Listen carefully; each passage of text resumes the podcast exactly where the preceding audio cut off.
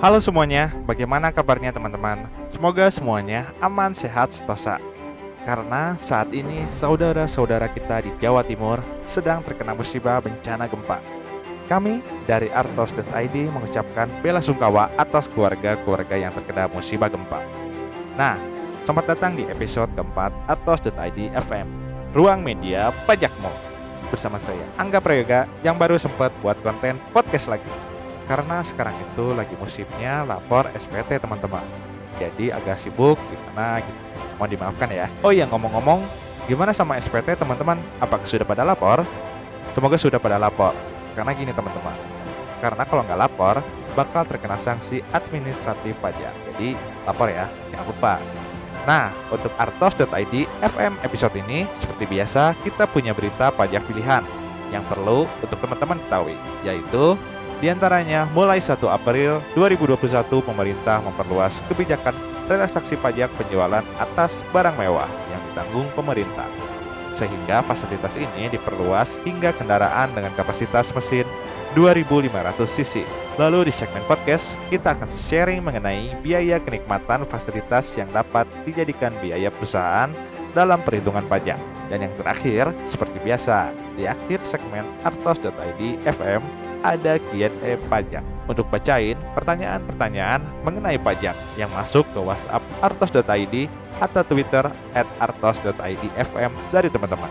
Mari kita langsung saja masuk ke dalam program berita.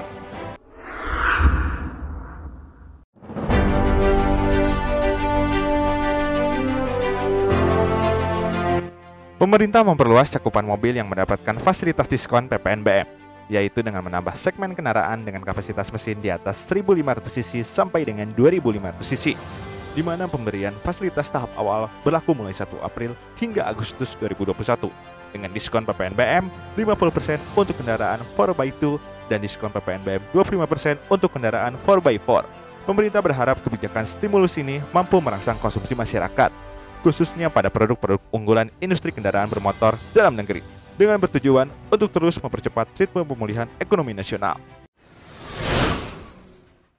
Berita kedua, Direktorat Jenderal Pajak Kementerian Keuangan mengucapkan rasa terima kasih kepada 11,3 juta wajib pajak orang pribadi yang sudah lapor SPT hingga 31 Maret 2021. Direktur Penyuluhan Pelayanan dan Humas DJP Nel Madrin Nur melaporkan, jumlah pelaporan SPT yang mencapai 11,3 juta ini meningkat 26,4 persen atau 2,4 juta SPT dibandingkan dengan periode yang sama tahun 2020. Selama pandemi, DJP telah melayani wajib pajak baik secara daring maupun luring. Selain pelaporan SPT, DJP juga telah menyediakan layanan seperti pendaftaran nomor pokok wajib pajak, cetak ulang NPWP, pembuatan kode billing, pemohonan surat keterangan fiskal yang bisa dilakukan secara daring. Sri Mulyani mengungkap alasan pelanggaran sanksi administratif pajak dalam Undang-Undang Nomor 11 Tahun 2020 tentang Cipta Kerja.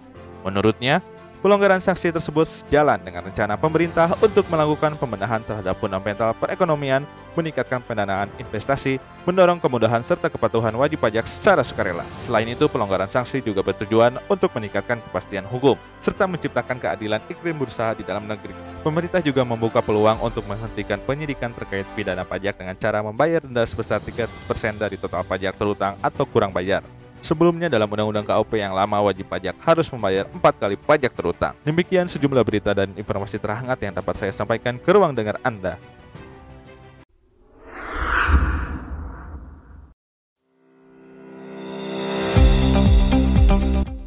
Oke, kita masuk ke podcast artos.id FM. Di podcast episode ini, kita akan membahas tentang fasilitas kenikmatan perusahaan untuk pegawai.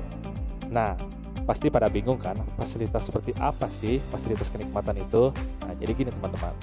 Yang dimaksud dengan fasilitas kenikmatan perusahaan atau disebut juga dalam bahasa pajak yaitu natura berupa suatu fasilitas kenikmatan yang dapat digunakan oleh karyawan dari perusahaan. Dalam bentuk bukan berupa uang teman-teman. Contohnya kayak gini. Pemberian fasilitas menempati rumah untuk pegawai dari perusahaan atau fasilitas pemberian berupa ayam potong bagi seluruh pegawai. Atau yang terakhir, fasilitas pemberian berupa sembako bagi pegawai setiap bulannya. Nah, itulah contoh-contoh dari bentuk fasilitas kenikmatan dari, uh, yang diberikan oleh perusahaan pada pegawai. Nah, pokoknya uh, ngebuat si pegawai itu happy lah gitu tanpa harus keluar uang uh, pegawainya sendiri. Kurang lebih seperti itu, teman-teman. Cuman yang jadi permasalahan, apakah biaya terkait fasilitas kenikmatan dari perusahaan dapat diperhitungkan dalam menentukan pajak perusahaan? Nah, ini yang jadi masalah, teman-teman. Jadi, dalam peraturan pajak pasal 6 Undang-Undang PPH mengatur bahwa pengeluaran-pengeluaran sehubungan dengan pekerjaan atau yang diberikan kepada pegawai yang boleh dikurangkan dalam menghitung pajak perusahaan harus dilakukan pemberiannya dalam bentuk uang. Jadi, teman-teman, pengeluaran yang dilakukan dalam bentuk natura atau kenikmatan tidak boleh dibebankan sebagai biaya oleh perusahaan. Tetapi teman-teman harus tahu juga, ada loh natura yang dapat dibebankan sebagai biaya oleh perusahaan. Ternyata, pajak mengatur tidak semua natura tidak dapat dibebankan sebagai biaya perusahaan. Jadi sesuai peraturan pajak pasal 9 ayat 1E Undang-Undang PPH, untuk natura-natura tertentu dapat dibebankan sebagai biaya perusahaan, yaitu ada tiga teman-teman. Pertama, natura dalam bentuk penyediaan makanan dan minuman bagi seluruh pegawai. Nah, jadi jika perusahaan memberikan makanan dan minuman bukan dalam bentuk uang, dengan syarat bagi seluruh pegawai di tempat kerja maka boleh dibebankan sebagai biaya perusahaan atau perusahaan bagi uh, karyawan yang suka keluar dinas gitu ya nggak bisa berada di tempat kantor untuk bisa menikmati uh, kenikmatan uh, makanan dan minuman yang dikasih oleh perusahaan maka uh, pegawai tersebut uh, diberikan kupon makanan dan minuman Nah, itu juga sama-sama natura dan boleh dibebankan oleh perusahaan. Yang kedua adalah natura yang boleh dibebankan sebagai biaya perusahaan yaitu kenikmatan atau fasilitas berkenaan dengan pelaksanaan pekerjaan dengan syarat untuk di daerah tertentu. Jadi daerah terpencil gitu ya yang kurang fasilitasnya gitu. Nah, si karyawan tersebut harus kerja di daerah tersebut. Maka uh, karena pemerintah mendukung dalam rangka mendorong pembangunan daerah tersebut, jadi natura tersebut boleh dibebankan oleh perusahaan biayanya. Nah, contohnya kayak gini naturanya. Perusahaan membuat sarana fasilitas di daerah tertentu di tempat lokasi kerja pegawai berupa perumahan, puskesmas, sekolah, dan lain-lain. Nah, bagi uh, pegawai maupun keluarganya. Nah, itu boleh dibebankan uh, biayanya oleh perusahaan. Lalu yang terakhir, natura yang boleh dibebankan sebagai biaya perusahaan yaitu kenikmatan berupa sarana keselamatan kerja yang berkaitan dengan sifat pekerjaannya karena keharusan gitu. Nah, contoh naturanya kayak gini, teman-teman. Pakaian dan peralatan untuk keselamatan kerja.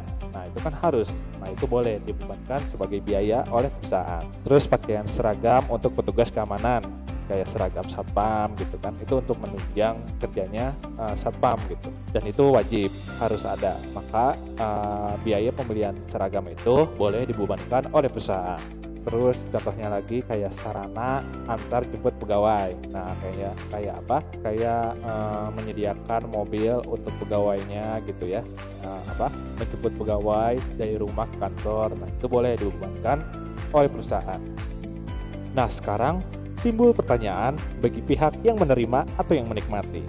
Jadi kayak gini, si pegawainya yang menikmati natura gimana nih dianggap perlakuannya oleh pajak?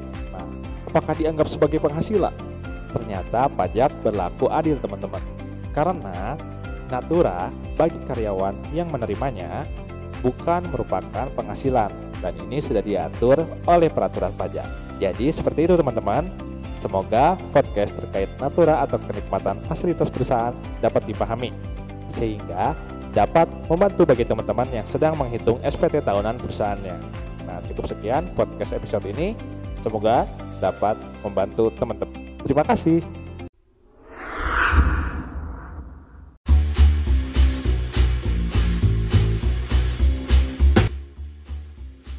Sekarang masuk ke sesi Q&A pajak. Jadi seperti biasa, saya mau bacain pertanyaan-pertanyaan yang masuk ke WhatsApp atau Twitter artos.id FM dari teman-teman. Jadi kalau ada yang mau nanya pajak, bisa mention di Twitter at artos.idfm atau di nomor WhatsApp artos.id 081292984203. Nah, mari pertanyaan pertama datang dari 0878247009 sekian sekian sekian. Mau nanya nih terkait NPWP. Kalau belum punya dan hendak bikin, bagaimana kita bisa tahu lokasi KPP terdaftar, terdaftar kita? Apakah bisa di semua KPP? Nah, jadi gini teman-teman. Memang dalam peraturan pasal 2 ayat 1 Undang-Undang KUP bahwa seseorang yang telah memenuhi persyaratan Undang-Undang Pajak wajib mendaftarkan diri ke kantor DJP yang wilayah kerjanya meliputi tempat tinggal atau tempat kedudukan seseorang. Sehingga teman-teman itu harus tahu KPP mana ya yang sesuai dengan alamat KTP kita. Itu dulu. Sekarang DJP telah menerbitkan sistem pendaftaran NPWP secara online sehingga memudahkan kita untuk mendapatkan kartu NPWP. Salah satunya melalui website erek.pajak.go.id. Jadi, teman-teman hanya perlu mengirim, uh, mengisi formulir elektronik pada website tersebut. Dalam hitungan menit, kita sudah mendapatkan NPWP. Sehingga tidak perlu lagi kita harus tahu dan datang ke KPP mana yang sesuai dengan alamat KTP kita. Pertanyaan kedua, apakah kartu NPWP ada batas pemakaiannya dan perlu diperpanjang? Atau hanya sekali bikin untuk seumur hidup? Jadi teman-teman, eh, jadi teman-teman, MPWP itu tidak ada batasan pemakaiannya. Satu nomor MPWP hanya untuk satu wajib pajak. Beda dengan SIM, di mana merupakan izin untuk berkendara, sehingga izin tersebut harus diperpanjang. Nah, NPWP beda dengan SIM. NPWP adalah nomor identitas untuk keperluan administrasi perpajakan. Jadi sangat jelas fungsinya ya teman-teman beda. Sehingga jika teman-teman tidak ingin memiliki NPWP lagi, harus melalui prosedur pencabutan NPWP. Atau teman-teman ingin mengubah data NPWP seperti perubahan alamat karena pindah tempat tinggal mungkin, maka perubahannya harus melalui prosedur perubahan data NPWP ke kantor pajak, bukan membuat NPWP baru. Nah, jadi itu teman-teman. Semoga sesi Q&A episode ini bermanfaat baik untuk yang bertanya ataupun pendengar artos.id FM. Teman-teman juga bisa bertanya apa pun terkait pajak melalui WhatsApp artos.id 081292984203 atau mention Twitter at artosidfm yang nanti akan saya bacakan di sesi Q&A episode berikutnya. Jadi sekian artos.id FM episode ini. Tetap nantikan artos.id FM episode selanjutnya di media podcast kesayangan kamu. Terima kasih. Saya Angga Prayoga.